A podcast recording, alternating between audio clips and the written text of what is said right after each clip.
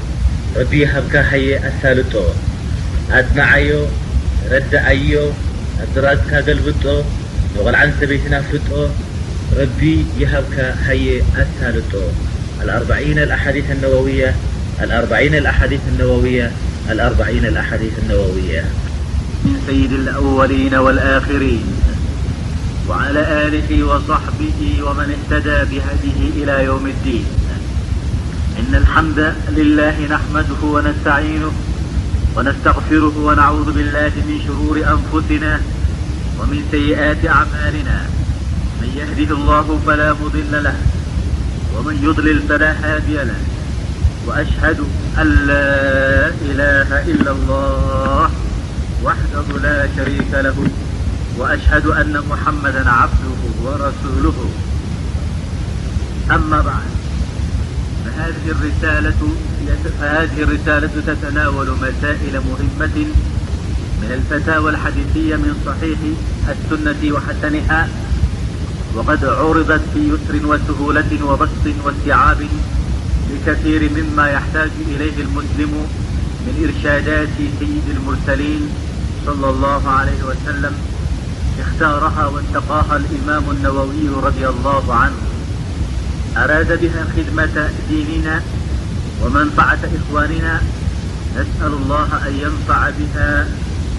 وأن يجعل عملنا خالصا لوجهه الكريم وهو حسبنا ونعمة الوكيل وترجمها إلى اللغة التجرينية الأستاذ محمود محمد علي بخيس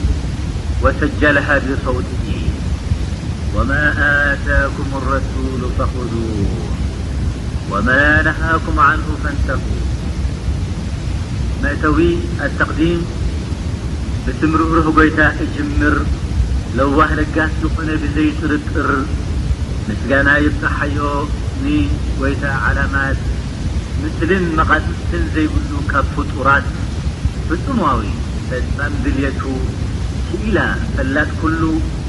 ዝሕብኦ ረቂቕን ደቂቕን ምስጢርን ዘይብሉ ምሉእ ሓገዝን ደገፍን ንልምን ካብኡ እምብኣርከስ ክቡራት ናይ ምስልምና ዲን ተኸተልቲ ዝኾንኩም እዛ ሕጽር ዝበለት ብትሕዝትኣ ፍኹስ ዝበለ ቃላታ እሞ ምሉእ ብምሉእ ብተነጸረ ክብደት ዘለዎ ቃላት ትግርኛ ገዲፈ ብፍኹስ ዝበለ ምሉእ ሓሳባትኩም ንሕና ኸኣ ብዝተኻእለ መጠን በቲ ልሙድ ዝኾነ ዕለታዊ ኣዘራርባና ኣብ ቤትና ይኹን ኣብ ዕዳጋና እነዘውተሮን እንጥቀመሉን ምስ ናይ ቋንቋ ዓረብኛ ዝተዛመደ ገይረ ነዘን ኣርብዓ ሓዲተ ነወዊ ክትርጉም ዘገደደኒ ምኽንያት እቲ ተታሒዘዮ ዘለኹ ዓላማ ክእለት ይኹን ፍልጠት ንምንጽብራቕ ዘይኮነስ ቆልዑትን ኣንስትን ነቲ ዝውቱር ኣዘራርባ ማእከላዊ መራኸቢ ብምግባር ንቃህሚቱ ዘሎ መንፈሳዊ ትምህርቲ ናይ ዲን እንደገና ሃገጽ ኣቢለ ንኸርድእን ከምኡ ከኣ መልእኽቲ ንምትሕልላፍ ጥራሕ ሕንጻጸይ ስለ ዝኾነ እዩ እዚ ከኣ ብኣኻትኩም ወገን ክፍለጠለይ ድልየተይ እዩ። ክቡራት ተጠቃሚ ክቡር ተጠቃሚ ሓደ ቋንቋ ናብ ካልኣይ ቋንቃ ክትርጎም ከሎ ቃል ብቃል ብዝትርጎም ምሉእ ስምዒቱ ስለ ዘጥፍእ፣ ኣብ ክንዲ ናብ ቃላት ምትኳር ናብ ፍረ ሓሳብ ምዝዛይ ዝሓሸ ውጽኢት ክህብ ስለ ዝኽእል ኣድላዪ ኮይኑ ኣብ ዝረኸብኩዎ እዋን ሓሳቡ ብምውሳድ ተጠቒመ ኣለኹ። ብተወሳኺ ከኣ ሓያለ ኣሕዋት ሓያለ ኣሕዋት ኣርብዓ ሓዲስ ብድፍን ዝበለ ኣግባብ ምትርጓሙ እኹል ስለ ዘይኮነ፣ ኣድላዪ መብርሂ ተወሲኹሉ ብሕጽር ዝበለ ኣዝዩ ኣገዳሲ ነጥብታት ከስፍረሎም ሰለዘተሓሳሰቡኒ ነዚ መብርሂ ይኸውን ኢለ ዘስዓብኩዎ ነጥብታት መብዛሕቱ ካብ ኪታብ ሸርሕ ሙስሊም ልልኢማም ኣነወዊ ሓጸርቲ መገለጺታት ዝሓዘሉ መጻሕፍቲ ሓዲስ ከም ኣሸብርኺቲ ልእብኒ ደቂቅ ኣልዒድ ከምዝኾኑ ኣቐዲመ ከገንዝብ እፈቱ። ዓላማና ናብ መልእኽቲ ምትሕልላፍ ደኣምበር ናብ ኣሰራዓ ቃላትን ኣተካኹዓ ሓሳባትን ኣይኹን እናበልኩ ተረዲእካ ንኸተረድእ ሰዓት ኢልካ ናይ ረቢ ቃል ናብ ምእመናን ከትሓላልፉ ዝተለዓሉ ኣሕዋት ወፋሮ ጸቢርካ ክትካፈል በዚ ኣጋጣሚ ይዕድመካ ኣለኹ። ተርጓሚ ማሕሙድ መሓመድ ዓሊ በኺ። فإن أصدق الحديث كتاب الله وخير الهدي محمد صلى الله عليه وسلم وشر الأمور محدثاتها وكل محدثاة بدعة وكل بدعة ضلالة وكل لالة في النار وما آتاكم الرسول فقذوه وما نهاكم عنه فتو عن أمير المؤمنين أبي حقب عمر بن الخطاب رضي الله عنه قال سمعت رسول الله صلى الله عليه وسلم يقول إنما الأعمال بالنياس وإنما لكل امرئ ما نوى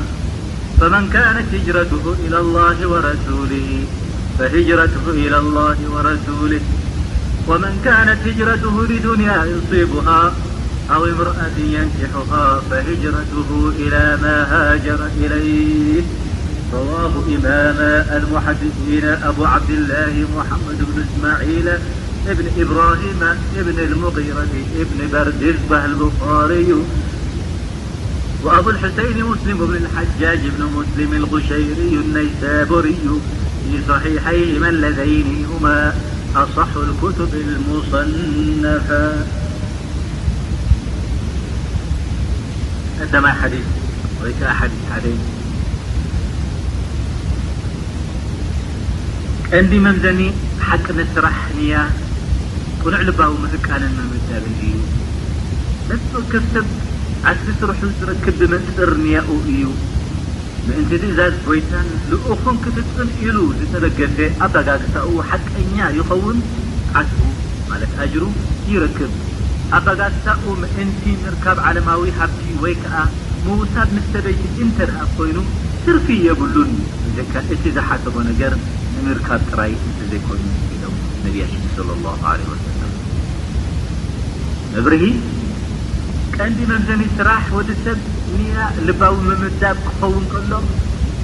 ንያ ክቐንዕ ከሎ ስራሕ ይቐንዕ፣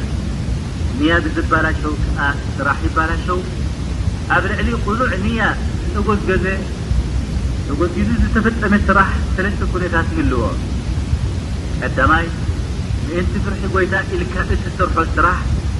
እዚ ክኣ መግዛእቲ ፓሮት ይበሃል። ዒባደቱል ዓቢድ፣ ባርያ ፈሪሑ ደኣምበር ፍቓደኛ ኮይኑ ኣይሰርሕን እዩ። ካልኣይ፣ ምእንቲ ዓስቢ ንምርካብን ሃረፎት ጀናን ኢልካ እትሰርሖ ስራሕ፣ እዚ ኸኣ መግዛእቲ ሸቃጦ ይበሃል፣ ዒባደቱ ቱጃር፣ ምኽንያቱ ዕላማ ሸቃጦ ኣብ ልዕሊ ምርካብ ረብሓ፣ ትርፊ፣ ዝተጸግዐ ስለዝኾነ እዩ። ሳልሳይ። ካብ ጐይታ ሓሊኹ መግዛእቲ ዝግብኦ ምዃኑ ኣሚኑ ብቑዕ ምስጋና ኸኣ ኽብጽሓሉ ኽብጽሓሉ ኢሉ ዝተዓጠቐ እሞ ምስ እዚ ኹሉ እዚ ብጕድለት ንነፍሱ እናኸሰሰ ልቡ ብፍርሒ ረቢ እናሽቈጥቈጠ ይቕበለለይዶ ስራሐይ ወይ ከኣ ይነጽጎ እናበለ የስተንትንን ይሓስብን ማለት ኢዕቲባር ይገብር እዚ መግዛእቲ ጭዋ ይበሃል። ዒባደቱል ኣሕራር ዝለዓለ ደረጃ ዒባዳ ወይ ከኣ ጸሎት ዝሓዘ እዩ። ዒባዳ ምስ ፍርሒ ረቢ ዶ ይሓይሽ ወይ ከኣ ምስ ተስፋ ዝብል ጥያቄ መልሲ ካብ ኢማም ኣልቀዛሊ ንረክብ። ኢማም ኣልቀዛሊ ሑጀቱል ኢስላም።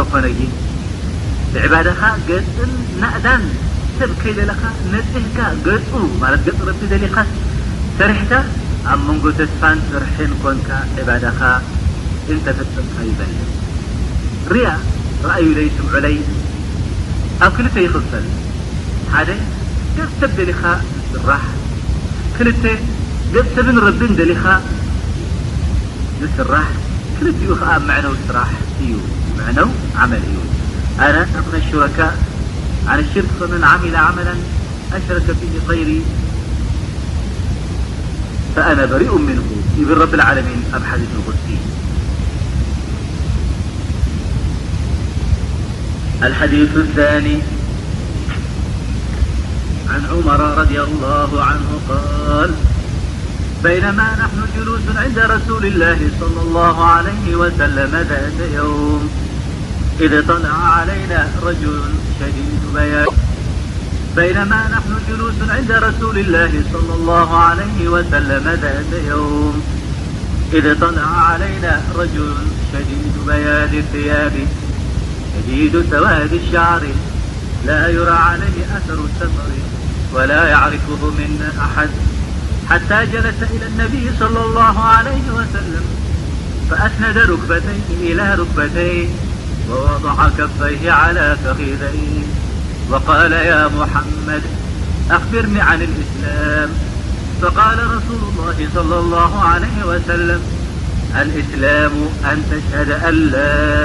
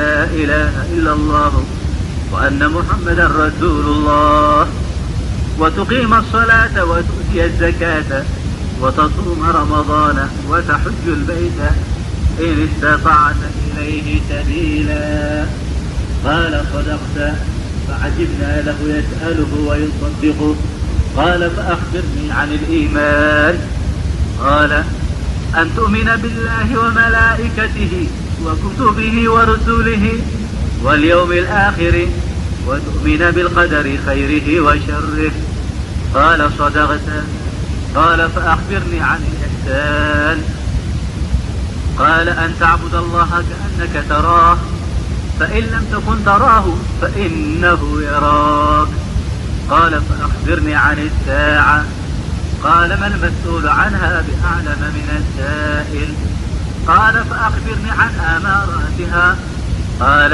أن تلد الآمة ربتها وأن ترى الحفاة العراة العالة رعا أشياء يتطاولون في البنيا ثم انطلق فلبت مليا ثم قال يا عمر أتدري من السائل قلت الله ورسوله أعلم قال فإنه جبريل أتاكم يعلمكم دينكم رواه مسلم ሓዲስ ክልተ ማለት ካልኣይ ሓዲስ ሰይድና ዑመር ከም ዝኣምሰለ ሓዲስ የውርዩልና ሓደ መዓልቲ ምስ ልኡኽ ጎይታ ሰይድና ረሱል ኮፍ ኢልና እንኮለና ሓደ ሰብ ኣዝዩ ጻዕዳ ክዳን ዝለበሰ ብርቱዕ ጽልሚ ዘለዎ ጨጉሩ ምልክት መገሻ ዘይብሉ ማለት ዶሮና ዘይተኸደነ ደበኽ በለና ሓደ ካባና ዝፈልጦ ኣይነበረን ኣብ ቅድሚ ነቢ ተንበርኪኹ ኮፍ ኢሉ ኣእዳዉ ኣብ ልዕሊ ሰለፉ ብትሕትና ኣንቢሩ ከምዚ ዝስዕብ ጥያቄታት ኣቕረበ ኦ ሙሓመድ ብዛዕባ ምስልምና ግለፀለይ ነቢ ኸኣ ከምዚ በልዎ ኢስላም ማለት ሓደ ብጀካ ሓደ ጎይታ ሓደ ረቢ ኻልእ ከም ዘየሎ ከምኡ ኸኣ ሙሓመድ ልኡኽ ጎይታ ከም ዝኾነ ምምስካር። ክልተ ሶላት ስግዳን ምዝውታር። ሰለስተ ዘካት ዕሽር ንድኻታት ምሃብ። ኣርባዕተ ወርሒ ሮሞዳን ምጻም። ሓሙሽተ እንተ ተኻኢሉካ ኸኣ ናብ ካዕባ። ማለት መካ ምብጻሕ ሓቅኻ በለ ጠይቑ ከብቅዕ ሓቅኻ ምባሉ ብጣዕሚ ኣደነቐና በል ብዛዕባ እምነት ንገረኒ ወይ ከኣ ኢማን ንገረኒ ኢሉ ሓተተ ክትኣምን ብህልውና ጎይታን መልኣኽቱን መጻሕፍቱን ልኡኻቱን መጨረሽታ መዓልቲ ምጸታት ብጽሕፍትኡ ቐደር ጽቡቕ ይኹን ሕማቕ ሓቅኻ ተለሊ ብዛዕባ ኢሕሳን ሰናይ ሰናይ ተግባር ግለጸለይ ንጎይታ ከም እትሪኦ ጌርካ ክትግልጽኦ ንስኻ እንተ ዘይረኣኻዮ ጎይታ ባዕሉ ይርእየካ እዩ በሎ ብዛዕባ መጨረሽታ ሰዓት ንገረኒ ማለት ዮመል ቂያማ ተጠያቂ ካብ ጠያቂ ኣብሊፁ ኣይፈልጥን በል ብዛዕባ ምልክታተ ንገረኒ ኢላ ሓቲተቲ ሰይደሻ ሰለላሁ ዓለይሂ ወሰለም ኢዚ ዝስዕብ ምልክታት ነገርዎ ባርያ ገዛኢኣ ክትውልድ እያ ዕሩቃት ጥራሕ ኣእጋሮም ስኡናት ጓሶት ዝነበሩ ይህፍትሙ እሞ ብመናድቅ ምስራሕ ክዋዳደሩ እዮም ወዮ ጠያቂ ከደ እሞ ድሕሪ ነዊሕ ግዜ ኸኣ ኦዑመር እቲ ጠያቂ መን ምዃኑዶ ፈሊጥካዮ? በልዎ። ጎይታን ልኡኹን ይፈልጡ በሉ ሰይድና ዑመር። እምበኣርከ ጅብሪል ሰብ ተመሲሉ ዲንኩም ከፍልጠኩም ኢሉ መጺኡኩም በሉ።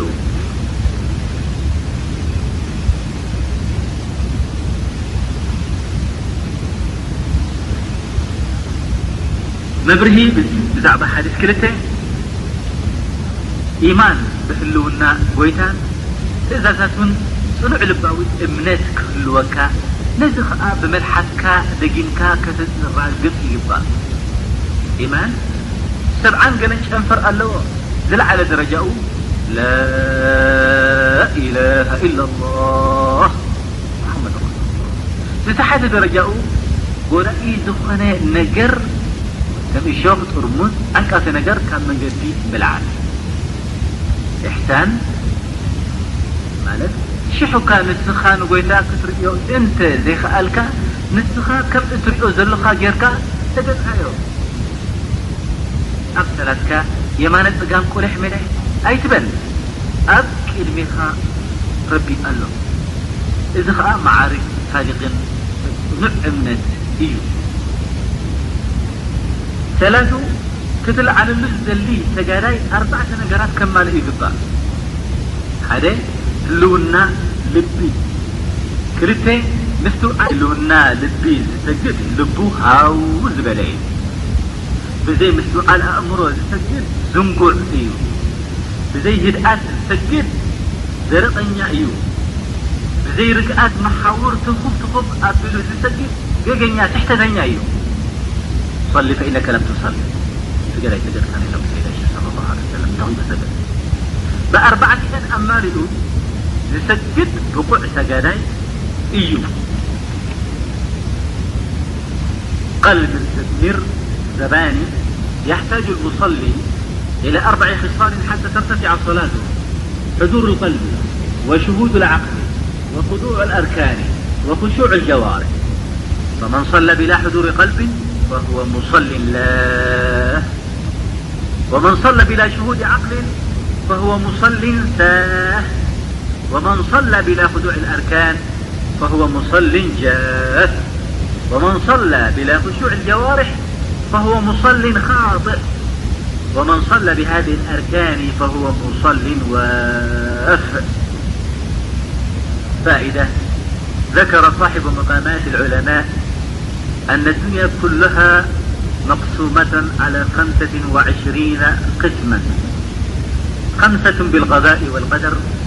وخسة بالاجتهاد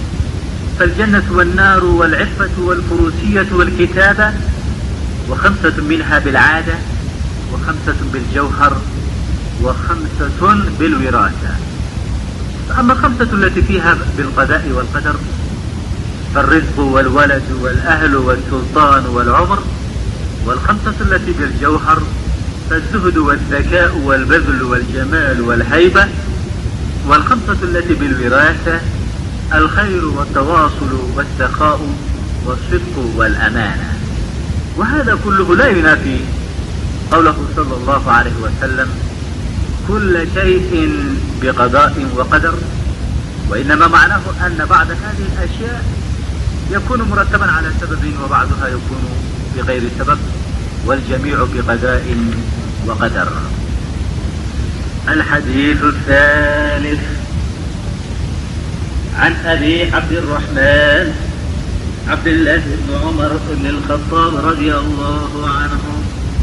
عنهما قال سمعت رسول الله صلى الله عليه وسلم يقول بني الإسلام على خمس شهادة أن لا إله إلا الله وأن محمدا رسول الله وإقام الصلاة وإتاء الزكاة وحج البيت وصوم رمضان رواه البخاري ወሙስሊም ሓዲስ ሰለስተ ሳልሳይ ሓዲስ ኢሎም ሰይዳችን ሰለ ላሁ ዓለይሂ ወሰለም ኢስላም ኣብ ልዕሊ ሓሙሽተ ዓምድታት ዝተመስረተ ንሰን ከኣ ብጀካ ሓደ ረቢ ኣላህ ካልእ ረቢ ከምዘየሎ መሓመድ ከኣ ልኡኹ ምዃኑ ብጽኑዕ ኣሚንካ ክትምስክር ሶላት ብግቡእ ክትሰግድ፣ ዘካት ክተኩብ፣ ንቤት ረቢ ክትበጽሕ ማለት ክትሕጅጅ፣ ወርሒ ረመዳን ወርሒ ረመዳን ክትጸውም። ሓዲሽ ሰለስተ፣ መብርሂ እስላም ኣብ ልዕሊ ሓሙሽተ ኩርነዓት ዝተመስረተ ሓሙሽተኤን ዘማልኤ ሓሙሽተኤን ዘማልኤ፣ ምስልምንኡ ተማለኤ ገዛ ኮይኑ ዝቐውም ጭቡጥ ኹርናዕ ዓት ብኣግባብ ዝተሰርሑ ክኸውን ከሎ ኢዩ። ከምኡ ኸኣ ኢስላም ብሓሙሽተ ግምታዊ ኹርናዓቱ ይቐውም ክንቢል እንኮለና እቲ ግምታዊ እንብሎ ኸኣ ብተግባር ክንትርጉሞ ከለና ናብ ጭቡጥ ይልወጥ። ሸሃደተይን ብመልሓስ ይትርጎም ሶላት ብተግባር ይፍጸም፣ ዘካት ብሙትካብ ኢዩ ዝዝውተር፣ ሕጃ ብምብጋስን ምውስዋስን ማለት ምንቅስቃስን ምፍጻም ተግባራት ተግባራት ውን መናሲከል ሓጅ ይፍጽምም ይፍጽምም እሞ ከምኡ ከኣ ጾም ሮሞዳን ካብ ብልዕን መስተን ቀንጠጥምን ብምክልካል ይፍጸም።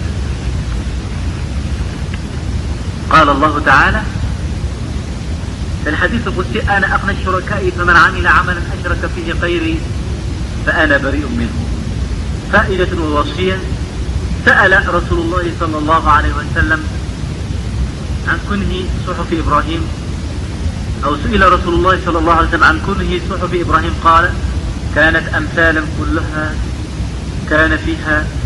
أيها السلطان المقرور إني لم أبعثك لتجمع الأموال بعضها على بض ولكن بعدكك لترد عني دعوة المظلوم فإني لا أردها ولو كانت من كاثر وكان فيها على العقل ما لم يكن مغلوبا على عقله أن يكون له أربع ساعات ساعة يناجي فيها ربة وساعة يتفكر في سن الله تعالى وساعة يحدث فيها نفسه وساعة يخل بذالجلال والإكرام وإن تلك الساعة عون له على تلك الساعات وكاألا يكون طاقيا إلا في ثلاث تزود لمعادن ومؤونة لمعاش ولذة بغير محرموكانها على العاقل ما لم يكن مغلوبا على عقله أن يكون تصيرا لزمانه مقبلا على شأنه حافزا للسانه ومن حسب الكلام من عمله يشك أن يقن الكلام إلا فيما يعني قال بأبي وأميأ أبوذر فما كان في اصحف موسى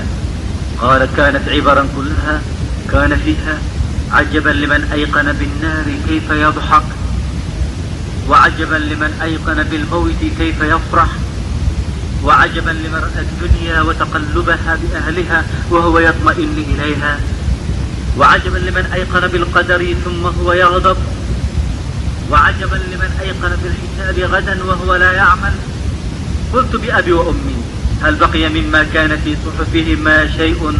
قال نعم يا أبا ذر قد أفلح من تزكى وذكر اثم ربه فصلى بل تأثرون الحياة الدنيا والآخرة خير وأبقى إن هذا لفي الصحب الأولى إايقلت بأبي وأمي أو سني قال وصيك بتقوى الله فإنه رأس أمرك كله قال قلت زدني قال عليك بتلاوة القرآن واذكر الله كثيرا يذكرك كثيرا في السماء لت زدني قال عليك بالجهاد فإنه رهبانية المؤمنين قلت زدني قال عليك بالشمص فإنه مدربة للشياطين عنك وعون لك على أمر دينك قلت زدني قال قل الحق ولو كان مرا لزدني قال لا تأخذك في الله لومتلائم لزدني ال ل رحمك وانقطعوك لزدني قال بحسب امرئ من الشر ما يجهل من نفسه ويتكلف ما لا يعني يا أبا ذر لا عقلك التبير ولا ورعك ال عن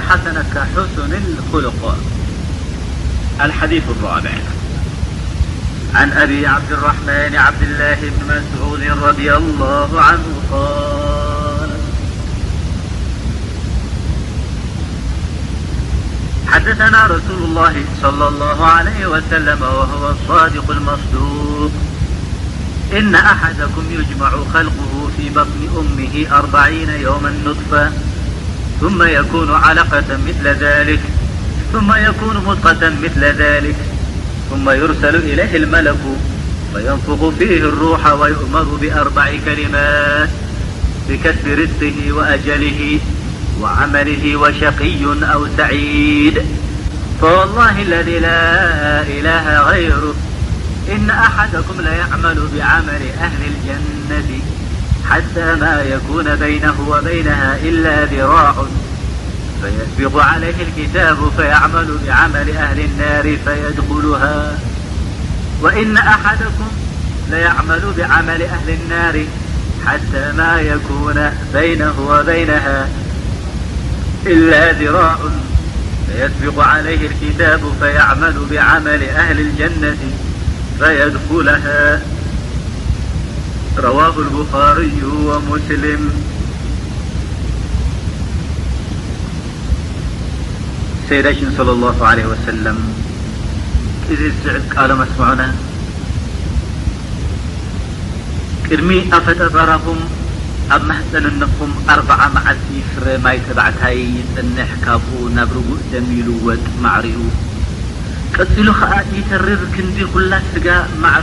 ኪመጽእ ይጸንሕ፣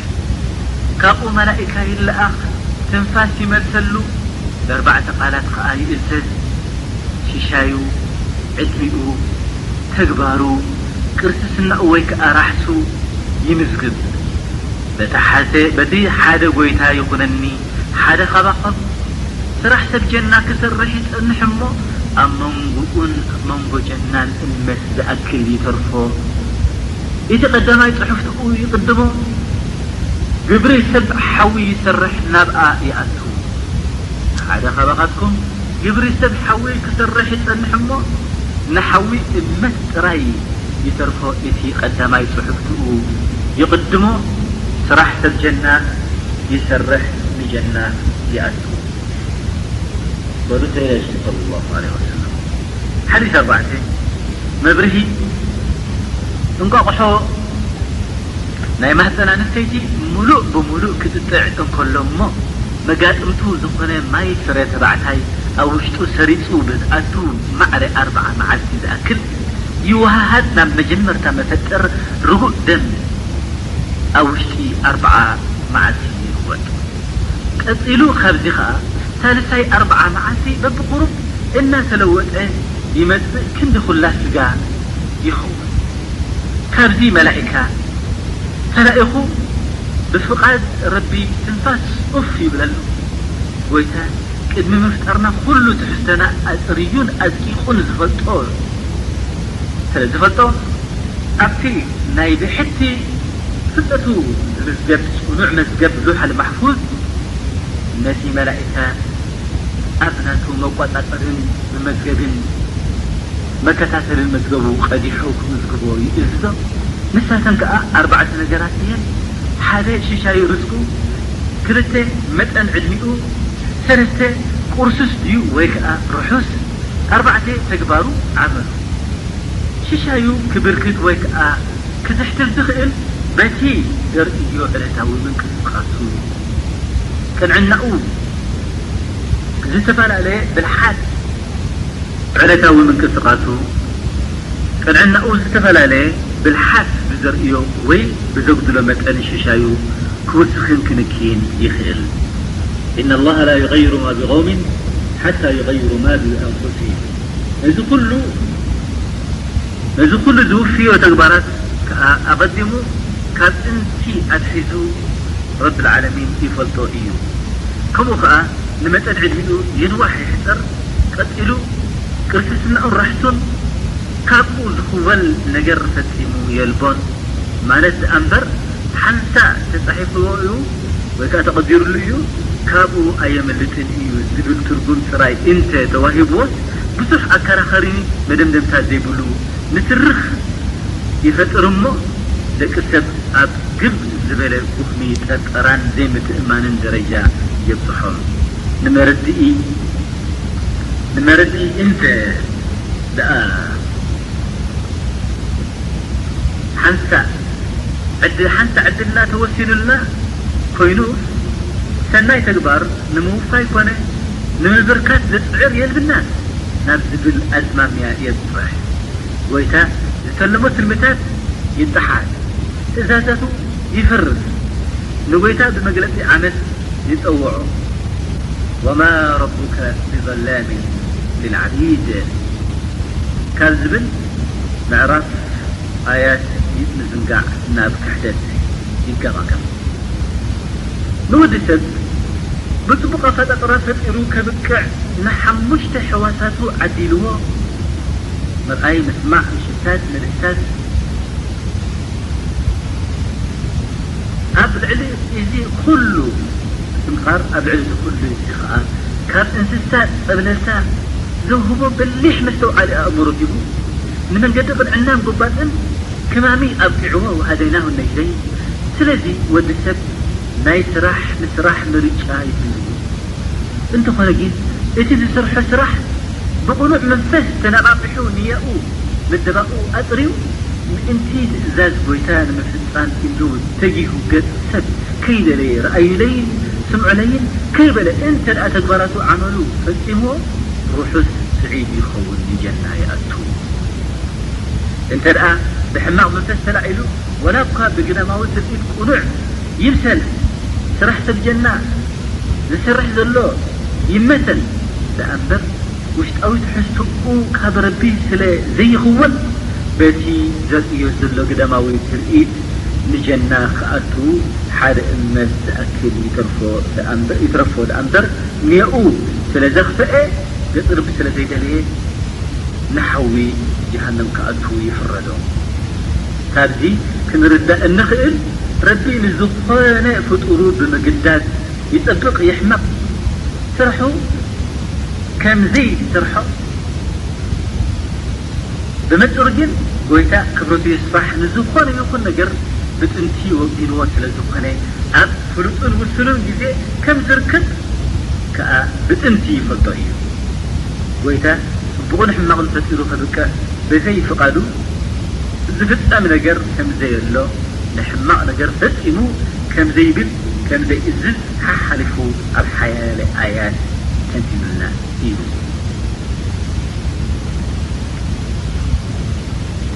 ምሳሌ ወይ ከኣ መረድኢ ሓደ ሊቅ። ሓንቲ መሳርሒት ወይ ከኣ ማኪና ክምህዝ ከሎ ኣቐዲሙ ቅድሚ ኣብ ህልውናኣ ምብጻሓ ትልሚ ኣብ ወረቐት ተሊሙ ይሕንጽጽ፣ ኣወጋግናኣ፣ ኣገልግሎታን ዕድሚኣን ዝጓነፋ ሳዕቤን ካብ ትሕዝትኡ ክቕይስ ይኽእል፣ ምናልባት። ኣብ ኣገልግሎታ ጉድለት እንተ ኣርኣየት ወይ እንተ ተሰብረት፣ ጉደሊ፣ ተሰበሪ ኢሉ ስለ ዝኣዘዛ እቲ ሰራሓያ እዩ ገጢምዋ ዘሎ እቲ ሽግር እዚ ዝብል ሰብ እንተ ተረኽበ፣ ዘረባኡን ሓሳቡን ፍጹም ተቐባልነት ኣይረክብን እዩ። ኣብዚ ካብዚ ክንርድኦ እንኽእል ከኣ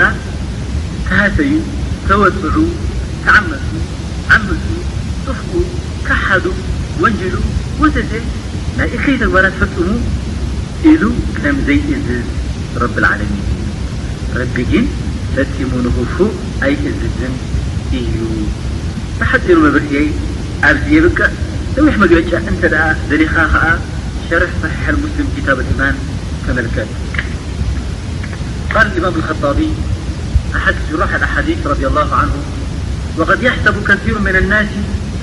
أن معنى القضاء والقدر إجبار الله تعال سبحانه وتعال العبد وطهره على ما قدره وقضاه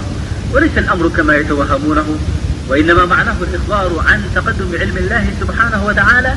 بما يكون من اكتساب العبد وصدورها عن تقدير منه وخلق لها خيرها وشرهاإن الله يأمر بالعلالإ اذ القرب وينحى عن الشاء والم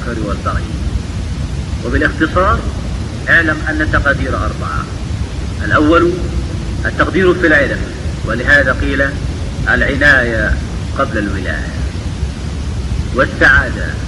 قبل الولاية واللواحق مبنية على التوابق ال الله ال يفك عنه ن يصرف عن سماع القرآن وعن الإيمان به في الدنيا من صرف عنه في الغدم قال رسول الله ى اللهيهسلم لا يهلك الله إلا هالك أي من كتب في علم الله تعالىأنه هالكالثاني التقدير في اللوح المحفوظ وهذا التقدير يمكن أن يتقير قال الله تعالى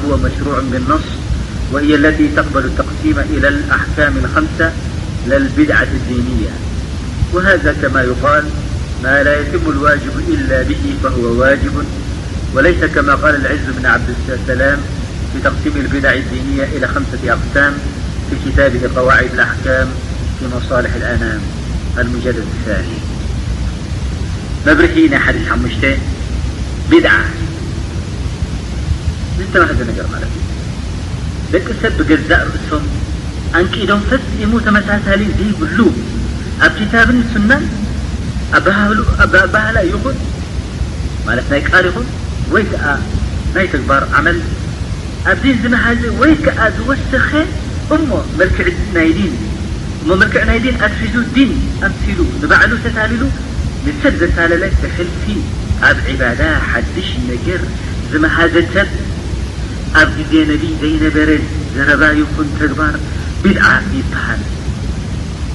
ኣብ ቅድሚ ረቢ ተቀባልነት የልብሉን ንጹግ እዩ ነዚ ቢድዓ ነዚ ቢድዓ ክንማምዮን ክንፈላልዮን እንኽእል ሱነተ ረሱል ሰለሏሁ ዓለይሂ ወሰለም ብትኽክል ከይለወናን ከይጠወናን ከይዓጸፍናን ንሰብ ከነሕጉስ ኢልና ግጉይ ትርጉም ከይሃብናን ብድፍረት ንሓቂ ክንቀውም እንኮለና እዩ ቢድዓ ዝፍለጥ። ንጎይታ ክንዓብዶ ክንግዝኦ ዝግበኣና በቲ ኣብ ኪታብ ብዘውረደን ብነቢ ኣቢሉ ኣብ ኪታብ ብዘወረደን ብነቢ ኣቢሉ ዝተገልጸልናን ጥራይ እዩ።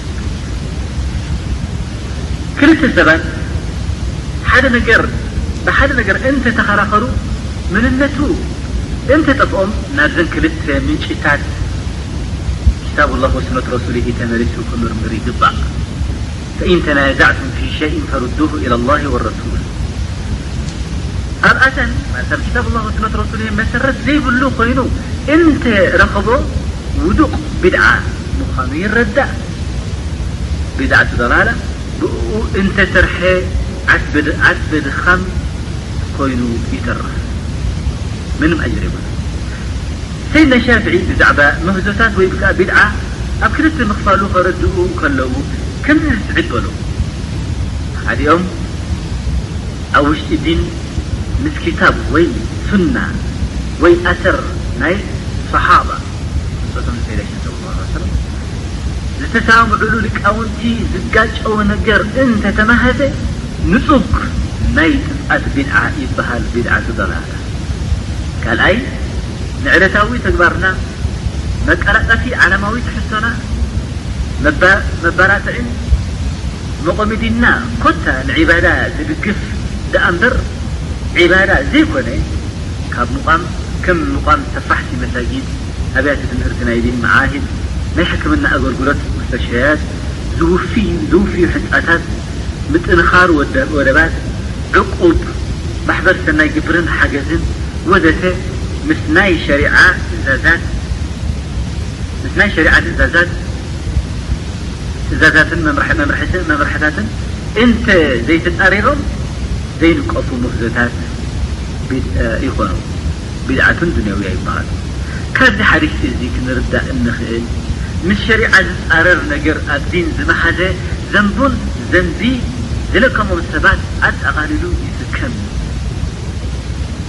ስራሑ ናብ ገጹ ይምለስ መቕጻዕቲ ረቢ ይግበኦ።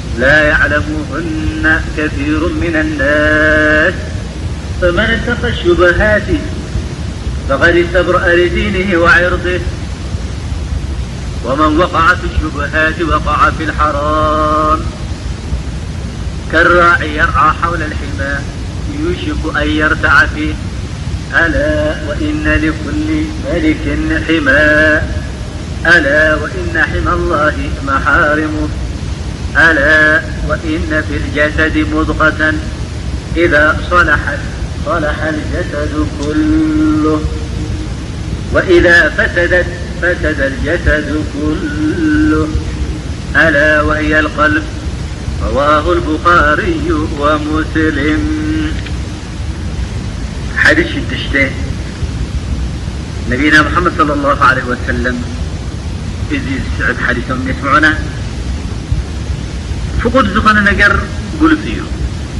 ሓላል ክልኩል ዝኾነ ነገር ውን ግሉጽ እዩ ሓራም ኣብ መንጎኦም ግን ኣጠራጠሪ ዝኾኑ ነገራት ሹብሃ መብዛሕቱ ሰብ ዘይፈልጦም ኣለዉ ካብ ዘጠራጥሩ ሹብሃት ዘደናግር ነገራት ዝተጠንቀቐ ሰብ ዲኑን ክብረቱን ሓልዩ ኣብ ዘጠራጥሩ ነገራት ዝቐረበ ናብ ክልኩል ነገር ይወድቕ፣ ውዒሉ ሓዲሩ ይወድቕ። ምሳሌኡ ከኣ ከም ሓደ ጓሳ ጤለ በጊዑ ሒዙ ናብ ዙርያ ሕዛእቲ ዝጓሲ፣ ናብ ሕዛእቱ ምእታው ከይሰዓር ናብ ሕዛእቱ ምእታው ከይሰዓርኦ ኣይተርፋን እየን። እምበኣርከስ ኩሉ ንጉስ ናቱ ናይ ገዛእ ርእሱ ሕዛእቲ ኣለዎ። ሕዛእቲ ናይ ረብ ልዓለሚን ከኣ ዝኸልከሎም ነገራት ማለት ሙሓረማት እዮም።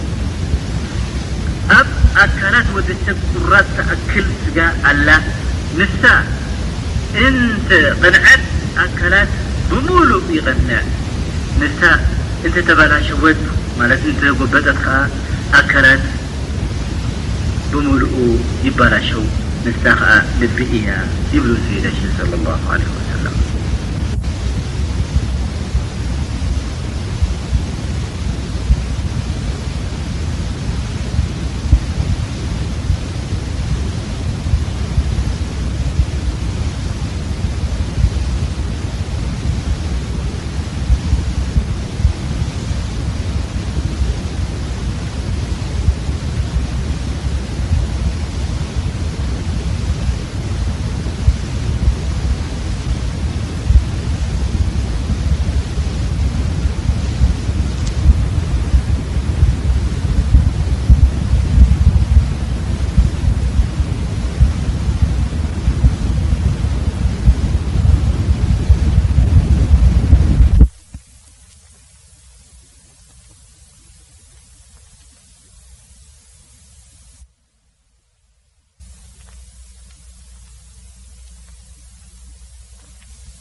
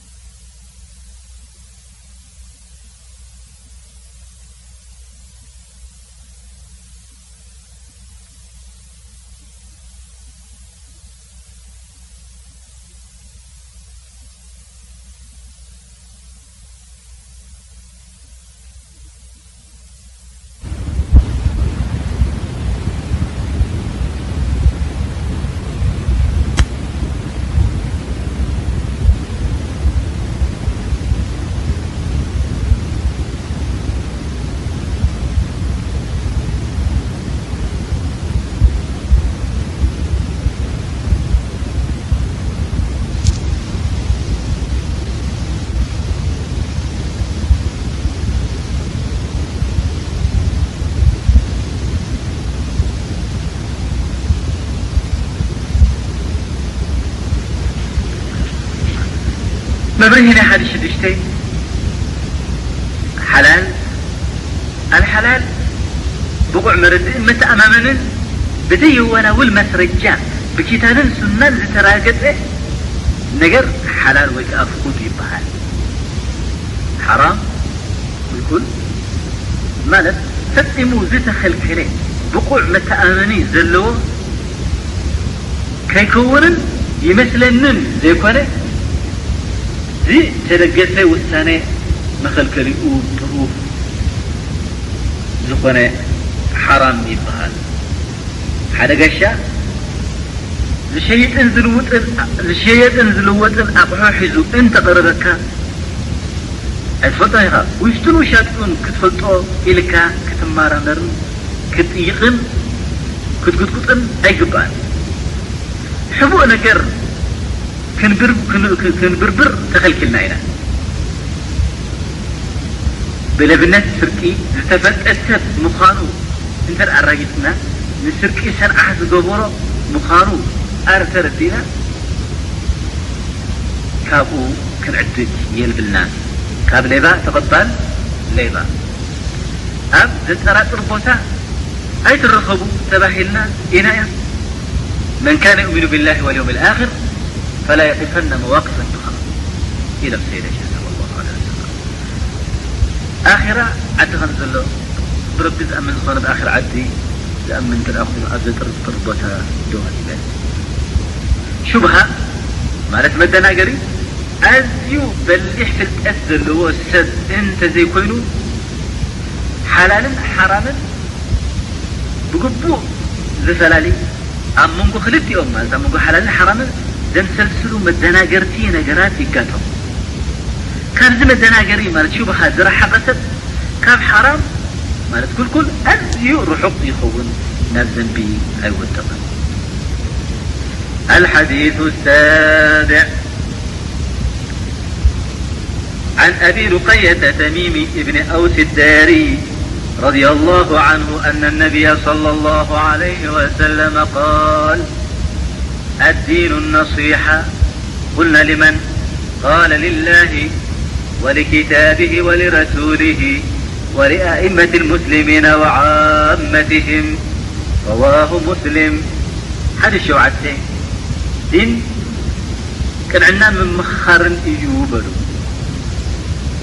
ምኽሪ ንመን እዩ ብቐዳምነት ደረጃ ዝልገስ ኢሎም ርእሰ ሰሓባ ብጾቶም ሓተቶም ንነቢ ነቢ ከኣ ምእንቲ ረቢ ትእዛዙ ብምልኡ ምፍጻም ምእንቲ መጽሓ ኪታቡ ብኡ ምምራሕ ብትሕዝትኡ ምሉእ ብምሉእ ኣሚንና ንውሳነታቱ ትኩረት ሂብና ክንርዳእ ክንርዳእ ክንጽዕር ከነስተንትንን ኣብ ዘድንቅ ኣያቱ ክንድነቅ ብቅን ብቅኑዕን ቀዋሚ ሕግታቱን ሰሪሕና ኣልኣያት ኣልሙሕከማት ብተመሳሳላይ ሙተሻቢህ ኣያቱ ኣሚንና ንሓፋሽን ብሑቱን ኣፍራስን ሃናጽን ደንብታት ህውህ ሃሰስ ክንብል ትምህርቱ ክንዝርግሕን ናብኡ ክንዕድም ይግብኣና። ሰለስተ፣ ኣነሲሐቱ ሊረሱሊላህ ሊረሱሊሂ ብሓቀኛ መልእኽቲ ናይ ነብይና ሙሓመድ ሰለላሁ ዓለይሂ ወሰለም ክንኣምን ን ዝኣዘዝዎ፣ ዝኣዘዝዎን ዝኸልከልዎን ክንቕበል ፈታዊኦም ማለት ተኸታል መንገዶም ክንፈቱ ጸላኢኦም ዓንቃፍ ስንኦም ዝኾነ ሰብ ክንጸልእ ንስንኦም ክንድግፍን ክንኽተልን ክንዝርጋሕን ነሽረት ዳዕዋ ንዓቀፍቲ ሱና ዝኾኑ ጥራይ በቦታትና ዝጸንሓና ንቕበል ሓቅነት ሱና ኣየድልየናን እዩ ዝብሉ ኣጥቢቕና ክንውግዝን ክንቃወምን፣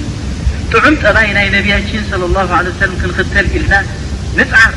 ስነ-ስርዓቶምን ጽቡቕ ኣርኣያን ሓበሬታን ይኹነና። ወለኩም ፊ ረሱሊላሂ ኡስወቱን ሓሰና፣ ቤተሰቦምን ብጾቶምን ሰሓባ ክንፈቱ፣ ንሱነኦም ዝጻረር ነገር ዝመሃዘ ካብኡ ክምርሕቕ። ኣነሲሓ ሊኣእመት ኣልሙስልሚን፣ መራሕቲ ንሓቂ ኢሎም ተዓጢቆም ክብገሱ ከለዉ ክንእዘዞም ክንእዘዞም ክንድግፎም ይግባእ። እንተ ዘንግዑ ከኣ ብልዙብ መልሓስ ከነቃናንዖኦም ከነቃንዖም ከነዘኻኽሮም ይግበኣና። ፈቁላ ለሁ ቀውለን ለይነን ለዓለሁ የተዘከሩ ኣው የኽሻ ኣንጻሮም ናዕቢ ከይለዓል ከይነልዕል ወይ ከኣ መዕነዊን ጎዳኢን ቅስቀሳ ከይነካይድ ደድሕሪኦም ደድሕሪኦም ተኸቲልና ክንሰግድን ክንጋደልን ውጽኢት ክንውፍየሎም ካብ ፍትሒ እንተ ዘንበሉ ብምኽርን ሜላን ክንመልሶም በቐል ዓለም ዝመልኦ ካብ ክሳድ ንላዕሊ ዝኾነ ወደሳ ከይንውድሶም ኣብ ክንዲ ናብ ልቦም ዝምለሱ ጽቡቕ ኣሎና እናበሉ ከይጸድፉ ቅኑዕ መንገዱ ቅኑዕ መገዱ ከትሕዞም ንረቢ ልዓለሚን ንልምነሎም።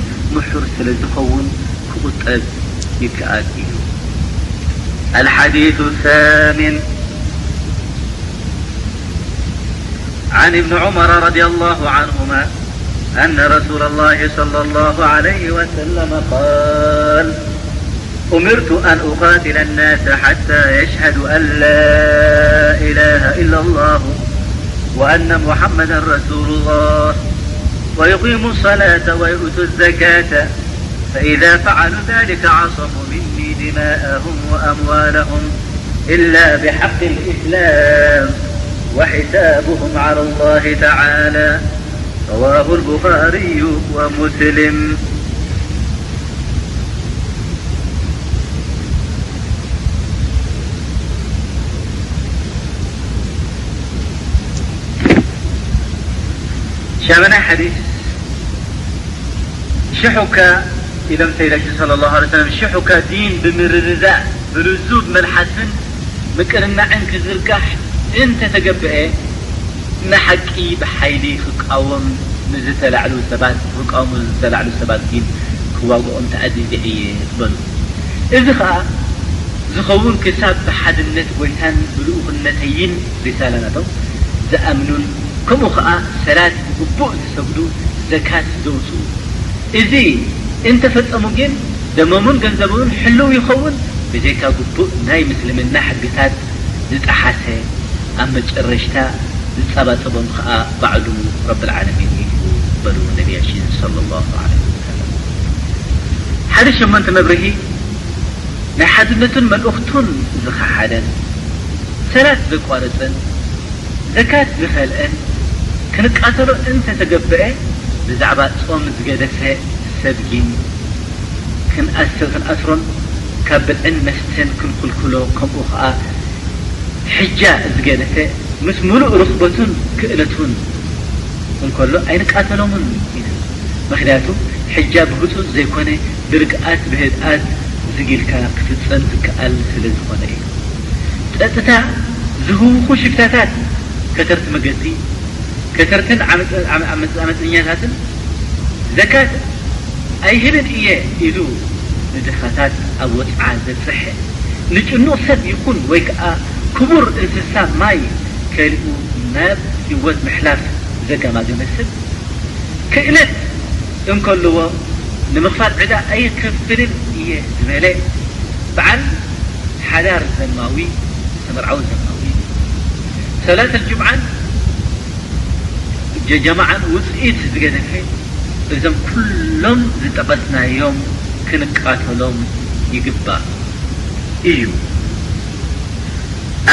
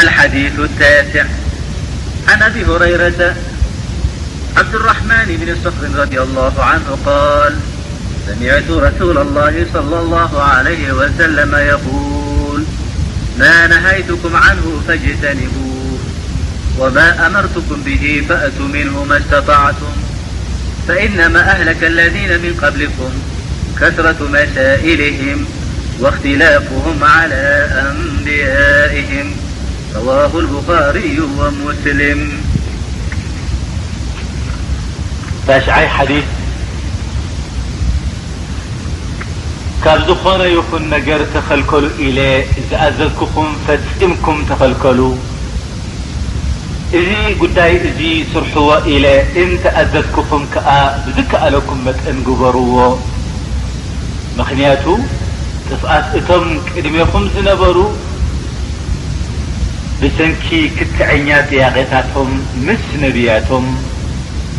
ዘይምቅርራቦምን ዘይምስምማዕን ነበረ በሉ ነቢ ሰለሏሁ ሰለሏሁ ዓለይሂ ወሰለም። ሓዲሽ ትሽዓተ መብርሂ፣ ናህዩ ታሕሪም፣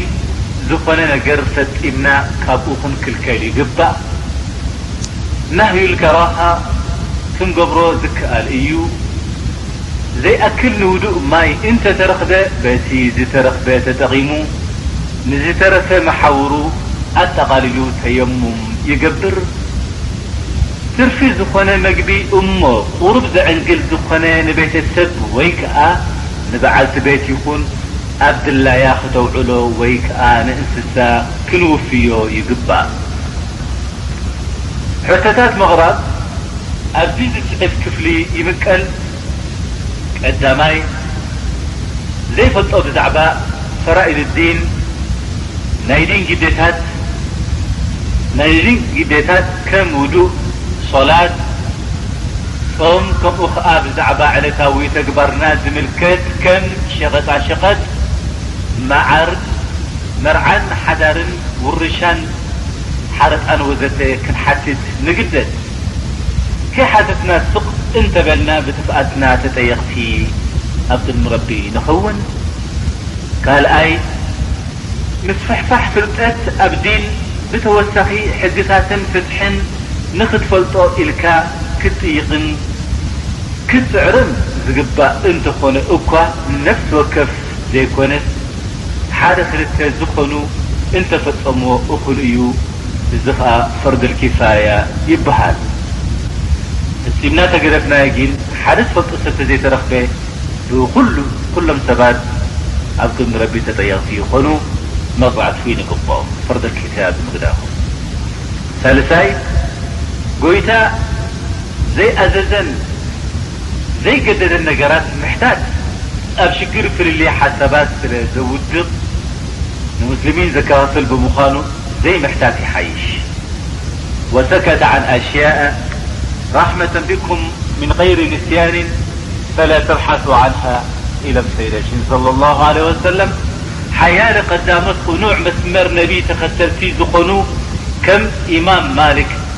ብዛዕባ ትርጉም ምድንጋር ዘኽትሉ ኣያት፣ ኣልኣያት ኣልሙተሻቢሃት፣ ከም ኣልራሕማኑ ዓለል ዓርሽ እስተዋ ከይሕተት ይጸልኡ ነበሩ። ክሕተት ይጸልኡ ነበሩ፣ ምኽንያቱ ኣሽንኳይዶ መግለጺ ረቢ ዝኣክል ክንፈልጥሲ ውሽጣዊን ግዳማዊን ትሕዝቶ ነፍስናን ምንቅስቓስ ደምናን ኩነታት ትንፋስናን፣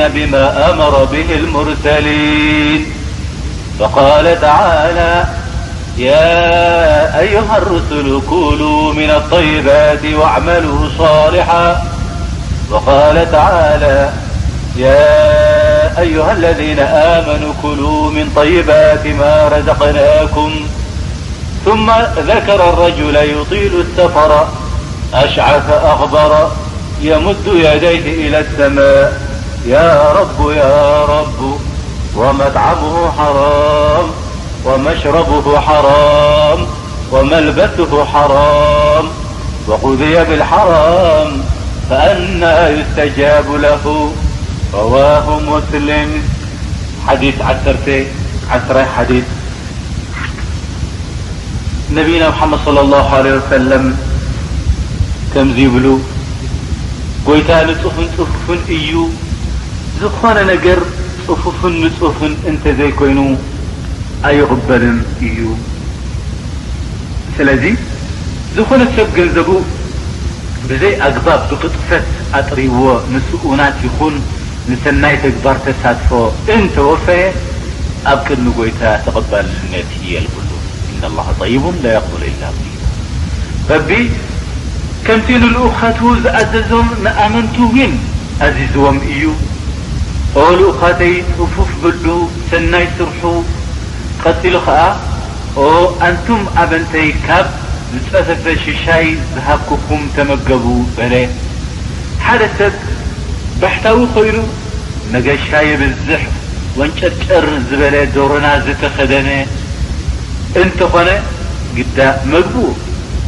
መስትኡ ኮነ ክዳኑ ብሓራም እንተጥርይዎ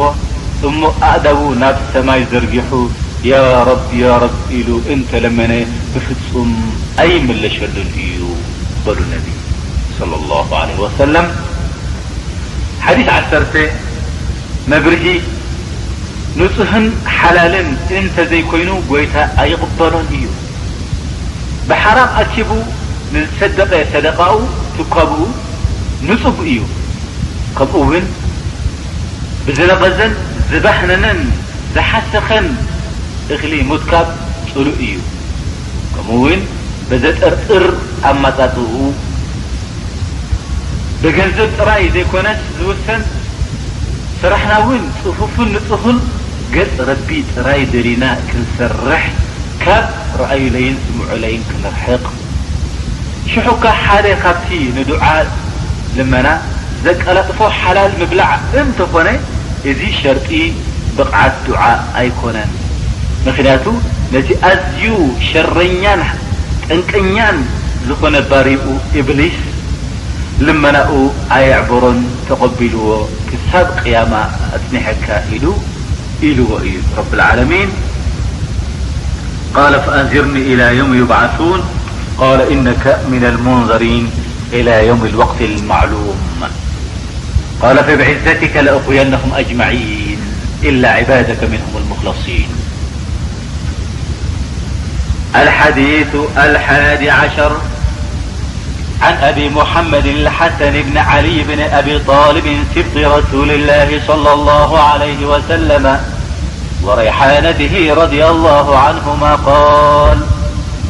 حفثت من رسول الله صلى الله عليه وسلم دع ما يريبك إلى ما لا يريبك رواه الترمذي والنسائي وقال الترمذي حديث حسن صحيحيثتثانبيلىالله عليه وسلم ዘጠራጥረካ ነገር ገዲፍካ ዘየጠራጥርካ ልብኻ ዝውድቀልካ ግበር። መብርሂ ናይ ኣሓዲስ ዓሰርተ ሓደ ፈራሕ ረቢ ዝኾነ ሰብ ከምቲ ፍጹም ሓራም፣ ፍጡር ሓራም ከይበልዕ ዝጣናቐቕ ከምኡ ከኣ ካብ ዘደናግርን ዝተሓላለኸን ገንዘብ፣ ሹብሃ፣ ክጥንቀቕ ይግባእ። ሕልናኻ ዝወድቀልካ፣ ዕረፍቲ ሓንጎል ዝህበካ፣ ዘየጠራጥረካ ዝኾነ ነገር ጥራሕ ስራሕ ማለት እዩ። ኣልሓዲሱ ሳኒ ዓሸር።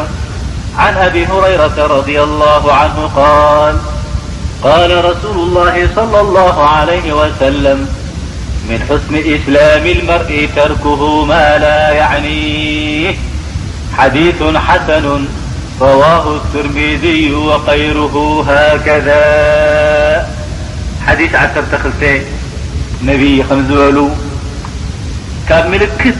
ብቑዕ ምልማ ካብ ምልክት ብሉቕ ብቑዕ ምስልምና ካብ ምልክት ብቑዕ ምስልምና ናይ ሓደ ሰብ ንዕኡ ዘየግድስን ዘይምልከትን ነገር ክገድፎ ከሎ ኢዩ። ሓዲስ ዓሰርተ ክልተ መብርሂ ሓደ ምሉእ ልቦና ዘለዎ መስተውዓሊ ሰብ ንግዜኡ ኣብ ኣርባዕተ ክኸፍሎ ይግባእ ንወቕቱ ኣብ ኣርባዕተ ክኸፍሎ ይግባእ። ቀዳመይቲ ሰዓት ምስ ጎይታኡ ብዱዓ ይዘናጋዕ ካልኣይቲ ሰዓት ብረቢ ዝፈጠሮም ነገራት ይሓስብን ይመራመርን ተፈኩር ፊ ኸልቂለ ሳልሰይቲ ሰዓት ንነብሱ ይጸባጸብ ዩሓሲቡ ነፍሰሁ ራብዓይቲ ሰዓት ብሕት ኢሉ ንኽቡር ጎይታኡ ይዝክር እዛ ሰዓት እዚኣ ሸፋኒት ጉድለታት ናይ ዝተረፋ ሰዓታት ትኾነሉ። ኣብ ዘይመንጠቢትክን ኣይትደያኢትክን ከም ዝበሃል ኣብ ዘየድልዮን ዘይምልከቶን ዝኣተወ ዘየድልዮን ዘይጽበዮን ነገር ይሰምዕን ይረክብን። ኣልሓዲሱ ኣሳሊሱ ኣልሓዲሱ ኣሳሊሱ ዓሸር።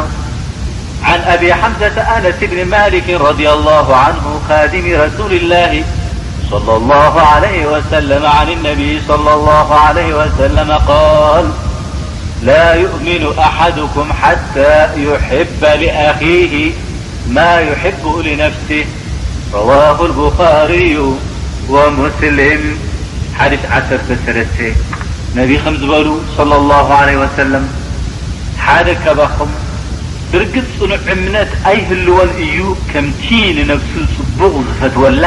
ልክዕ ከኣ ከምኡ ንሓዉ ጽቡቕ እንተ ዘይፈትዩሉ በሉ ነቢ። መብርሂ ናይ ሓዲስ ዓሰርተ ሰለስተ ከምቲ ንነፍሲ ወከፍ ንነፍስና ጽቡቕ እንፈትወላ ንሓውና እንተ ዘይፈቲናሉ ምሉእ እምነት፣ ኢማን፣ ኣይህልወናን። ንጌገኛ ወይ ከኣ ከሓዲ ሓውና ከይተረፈ ናብ ልቡ ክምለስ መገዲ ሓቂ ክኽተል ክንፈትወሉን ክንልምነሉን ይግባእ ክንፈትወሉን ክንልምነሉን ይግባእ ንሓውና ንሓውና ብዝተዋህቦን ብዝተዓደሎን ጸጋ ብገንዘብ ይኹን ብሹመት ወይ ከኣ ብፍልጠት ክደኪ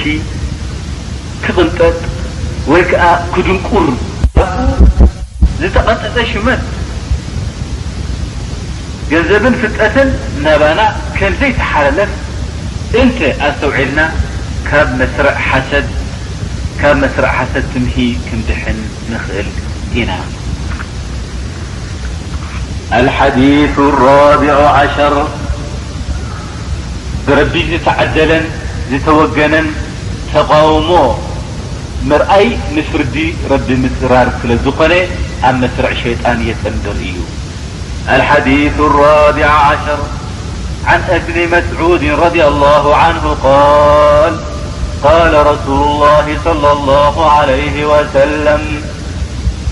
لا يحل دم امرئ مسلم إلا بإحدى ثلاث الثيبالزاني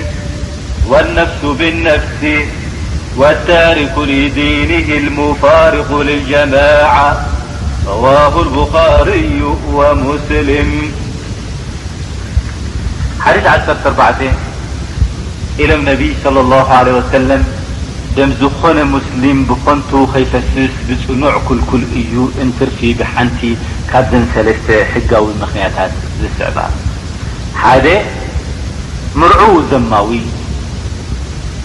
ካልኣይ ብዘይ ግቡእ ንነብሲ ዘሕለቐ ይቀተል ሰለስተ ዲኑ ጠንጢኑ ናብ ጉጉይ ዝዘምበለ ካብ ሕብረተ ሰብ ተነጺሉ ዝኸሓደ። መብርሂ ናይ ሓዲስ ዓሰርተ ኣርባዕተ ሓደ ሰብ ብኣግባብ ዘለዎ መርዓ ተመርዕዩን፣ ተጋሲሱን ከብቅዕ ድሕሪኡ እንተ ዘመወ ተፈጭፊጩ ክቕተል ይፍረድ ከምኡ ከኣ ተመርዕዩን ተጋሲሱን ከብቅዕ ፈቲሕዋ ድሕሪኡ ግብረ ዝሙት እንተ ፈጺሙ ብተመሳሳላይ መቕጻዕቲ ይፍረድ።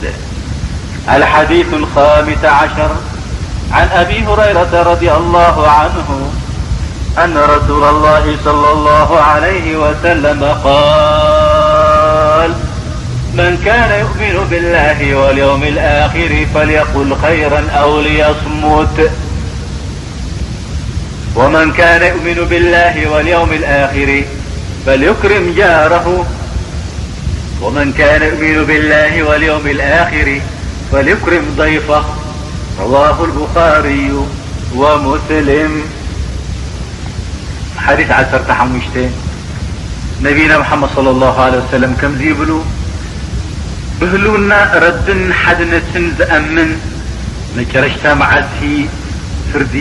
የውመል ቅያማ ዘረጋግጽ ከም ዘላ ዘረጋግጽ ዝኾነ ሰብ ሓደው ጽቡቕ ይዛረብ ወይ ከኣ ስቕ ይበል ከምኡ ከኣ ረብን ኣኺራን ዝኣምን ሰብ ንጎረቤቱን ንጋሽኡን የከባብር መብርሂ ናይ ሓዲስ ዓሰርተ ሓሙሽተ ክዛረብ ዝደለየ ሰብ ኣቐዲሙ ይሕሰብ ክዛረብ ዝደለየ ሰብ ኣቐዲሙ ይሕሰብ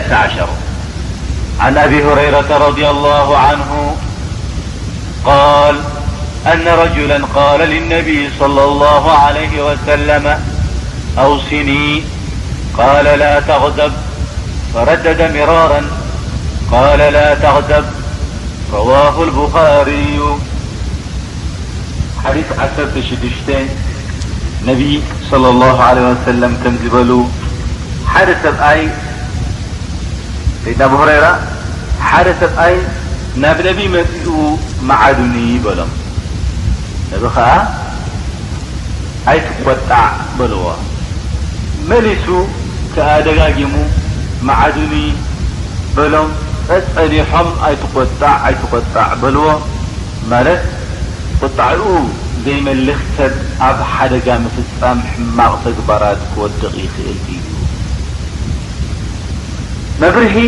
ናይ ሓዲስ ዓሰርተ ሽዱሽተ፣ ቁጣዒኡ ዝመልኽ ንነፍሱ መለኸ፣ ካብ ዓበይቲ ሽግራት ደሓነ፣ ቁጡዕ ሰብ ንነፍሱን መቓርብቱን ሃሳዪ እዩ።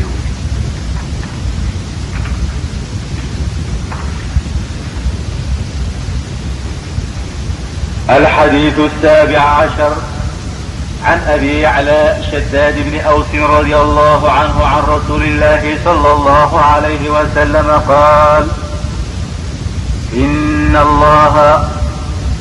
إن الله كتب الإحسان على كل شيء فإقلتمفأتلوإذا ذبحتم فأحسنوا الذبح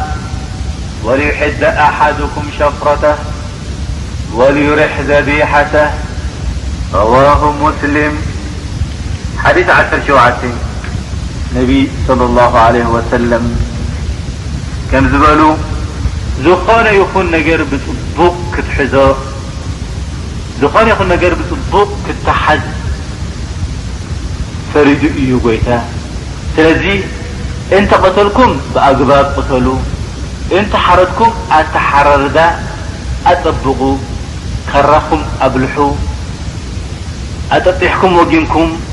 ከየታቐኹም ንእንስሳኹም ሕረዱ። መብርሂ ናይ ሓዲስ ዓሰርተ ሸውዓተ፣ ክትሓርድ ከለኻ ኣቐዲምካ ካራኻ ኣብ ቅድሚ እንስሳ ኣይትስሓሎ፣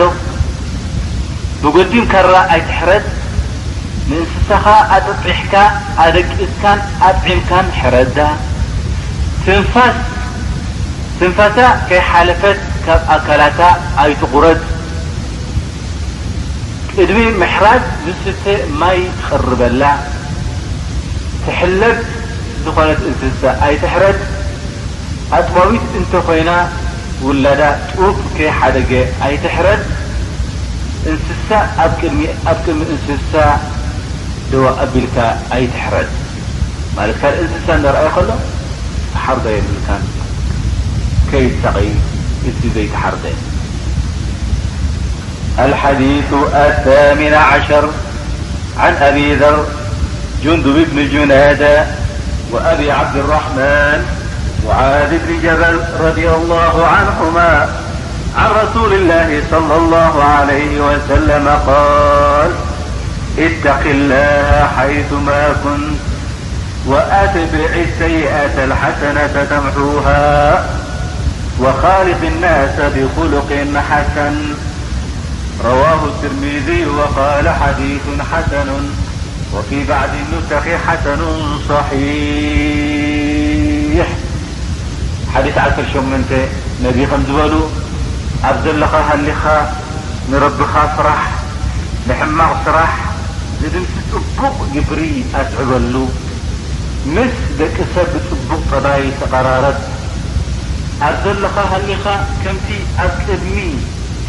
እኩባት ሰባት ሰብ ይርእየኒ ኣሎ ኢልካ ካብ ግብሪ እከይትቑጠቦ ከምኡ ከኣ በይንኻ ኣብ ጽምዋ ቦታ ረቢ ይርእየኒ ኣሎ ኢልካ ካብ ሕማቕ ግብሪ ተኸልከል።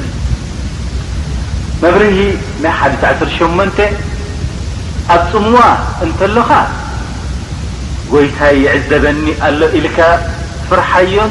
ተጠንቀቐሉን፣ ልክዕ ከምቲ ኣብ ኣኼባ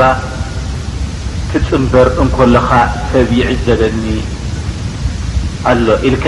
ትጥንቀቐሉ። ጐይታ ከይተጸባጸበና ከሎ ተቓላጢፍና ባዕልና ንባዕልና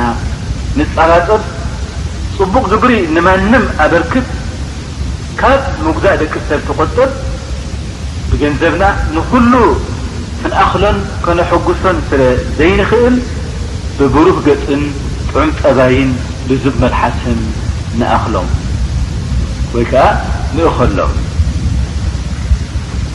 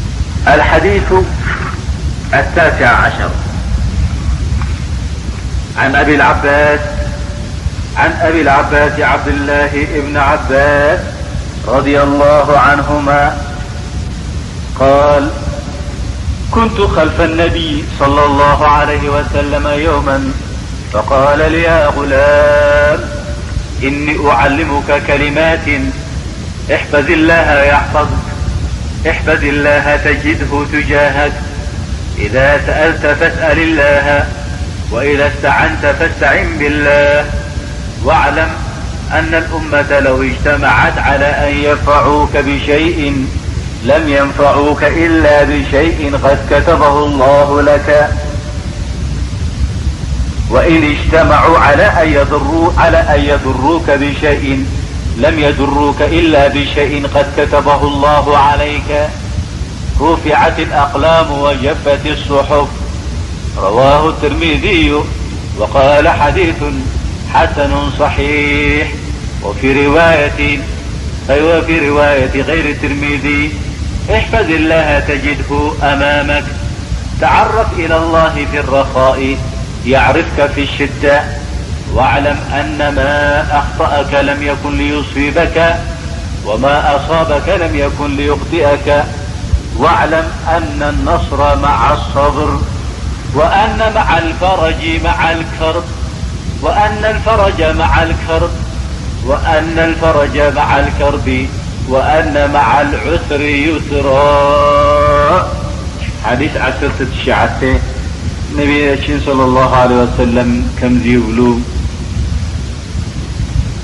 ሰይድና ዓብዱላህ እብን ዓባስ ሓደ መዓልቲ ድሕሪ ነቢ ተጎርቢተ እናኸድኩ ከለኹ ከምዚ ዝስዕብ ዘረባ ነቢ ኣስምዑኒ ኣንታ ወደይ እዘን ዝምህረካ ወይ ከኣ ዝዕልመካ ቓላት ኣጽንዓየን ኢኻ ትእዛዝ ጎይታኻ ሓሉ ካብ ዝኸልከለካ ነገራት ተኸልከል ኪሕልወካ፣ ፍቓዱ ኣብ ማልእ ኣብ ቅድሜኻ ክትረኽቦ እንተ ለመንካ፣ ንረቢ ጥራይ ለምን፣ ደገፍ እንተ ደሌኻ ናብ ረቢ ተጸጋዕ፣ እያከ ናዕቡድ ወእያከ ነስተዒን፣ ሓገዝካ ካብ ረቢ ድለዮ፣ ስለዚ ኢኻ ኩሎም ፍጡራት ተኣኪቦም፣ ኩሉ ፍጡራት ኣኪቦም ክጠቕሙኻ እንተ ጽዒሮም ካብታ ረቢ ዝኸተበልካ ንላዕሊ ፈጺሞም ኣይጠቕሙኻን እዮም። ክጎድኡኻ ኢሎም እንተ ጸዓሩ ኸኣ ካብታ ረቢ ዝኸተበልካ ኣይሓልፉን እዮም። ፍርዱ ብጥንቲ ተወሲኑ እዩ። ብርዕታቱ ኣልዒሉ ቀለሙ ኣብ ጽሑፉ ኣድሪቑ ጨሪሹ እዩ። ኣብ ጊዜ ራህዋኻ ምስ ጎይታ ተላለይ ምእንታን ኣብ ጭንቅኻ ክረድኣካ ስለዚኻ ዝሰሓተካ ነገር ከም ዘይጭምተካ ዝጨመተካ ከኣ ከም ዘይስሕተካ ፍለጥ ዓወት ድሕሪ ጸገም ከም ዝስዕብ ራህዋ ከኣ ድሕሪ ጸበባ ከም ዝመጽእ ደስታ ከኣ ድሕሪ ጭንቂ ከም ዝስዕብ መብርሂ ናይ ሓድሽ ዓሰርተ ትሽዓተ፣ ጐይታ ኺሕልወካ እንተ ደሊኻ፣ ንትእዛዛቱ ኣኽብርን ፈጽምን፣ ካብ ዝኣገደካ ተኸልከል ምእንታን ኣብ እዛ ዓለም ኣዱንያ፣ ምስ ዮመልቅያማን ኣሳልጦ ኪጓነፈካ፣ ዝኾነ ፈተናን መከራን ዚጓንፈና ብሰንኪ ጥፍኣትና ኪኸውን ከሎ፣ ብሓያለ ጥፍኣትና ይምሕረና እዩ ወያዕፉ ዓን ከሲር ኣብ ግዜ ራህዋ ጥቁው ተግባር ዝፈጸምናዮ ካብ ጭንቂ መከላኸሊ መከላኸሊ መድሓኒን ይኾነና ወዲ ሰብ ዘይኽእሎ ነገራት ከም ጸጋ ጥዕና ሃብቲ ውላድ ሓሳብ ልቢ ምስማር ሞት ሂወትን ድሕነትን እንተ ለመና ንጎይታ ጥራይ ክንልምን እዩ ዝግባእ ካብ ሽርክነት ኣበርቲዕና ክንጥንቀቅ ይግባእ ምክንያቱ ዝኮነ ይኩን ዓይነት ዘንቢ ረቢ ክምሕረና ከሎ ካልኦት ኣማልክቲ ሽርካ ሽርካ ይገብሩን ይሓድጉን ይጠቅሙን ይጎድኡን እዮም ዝብል እምነት ኣብ ልብና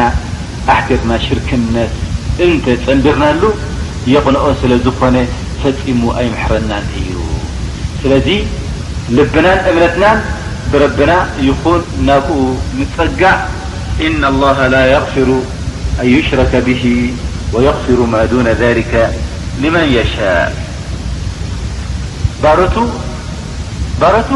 ዝክእልዎ ነገራት ጊን ኣቀዲምና ንረብና ንረብና ልቦም ከቃናንዓልና ሕራይ ከም ዝብሉና ክገብረልና ንረቢ ንልምን ንልምኖ ካብኡ ንደሓር ምስኣቶም ብምርኻብ ጎይታና ጉዳይና ነሳልጥ።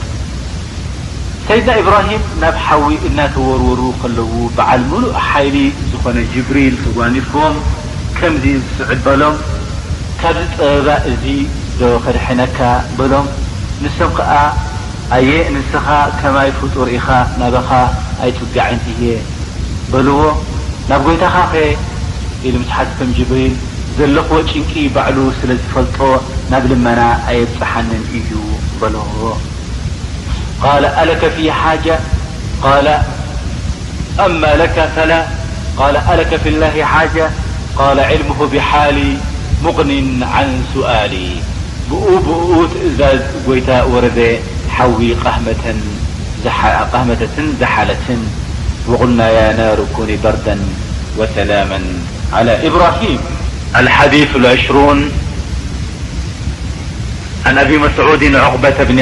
عمر الأنصاري البدري رضي الله عنه قال قال رسول الله صلى الله عليه وسلم إن مما أدرك الناس من كلام النبوة الأولى إذا لم تستحي فاصنع ما شئترواه البخار ሓዲስ ዕስራ፣ ነቢና ሙሓመድ ሰለሏሁ ዓለይሂ ወሰለም እዚ ዝስዕብ ቃል ኣስምዑና፣ ካብቲ መጀመርያ ትንቢታዊ ናይ ነቢ ኣዘራርባ ደቂ ሰብ ደቂ ሰብ ዘርከቡሉ ከምዚ ነበረ፣ ዘይትሓንኽ እንተኾንካ ቃሕ ዝበለካ ግበር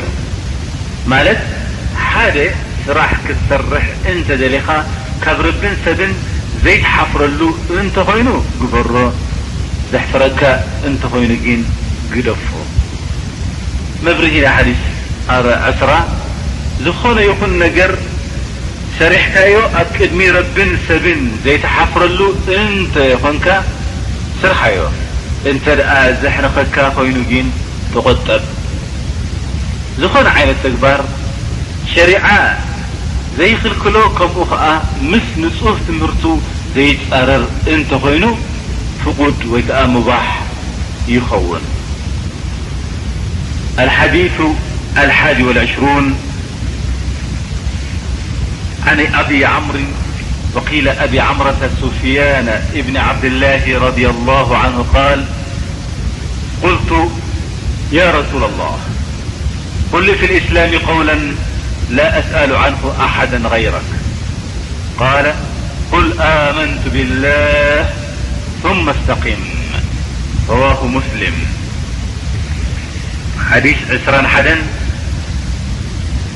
ነዚ ከምዚ በሉ፣ ሱፍያን እብን ዓብድላሂ ከምዚ ዝስዕብ ጠየቐ፣ ኦ ልኡኽ ረቢ! ንዓኹም ጠይቐ ንኻልእ ዘይጥይቐሉ ብዛዕባ እስላም ዘቃናንዓሉ ቃላት ንገሩኒ በለ። ነቢ ኸኣ ሶለሏሁ ዓለይሂ ወሰለም እምነተይ ብረቢ ኣዝዩ ጽኑዕ እዩ ኢልካ መንገዲ ቅንዕና ሒዝካ ቀጥ በል በልዎ።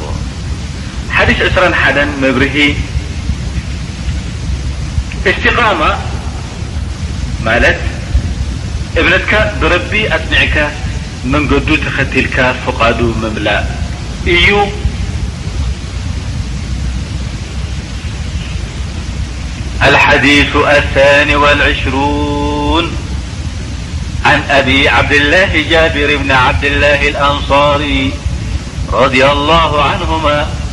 أن رجلا سأل رسول الله صلى الله عليه وسلم فقال أرأيت إذا صليت المكتوبات وصمت رمضان وأحللت الحلال وحرمت الحرام ولم أزد على ذلك شيئا أدخل الجنة قال نعم رواه مسلم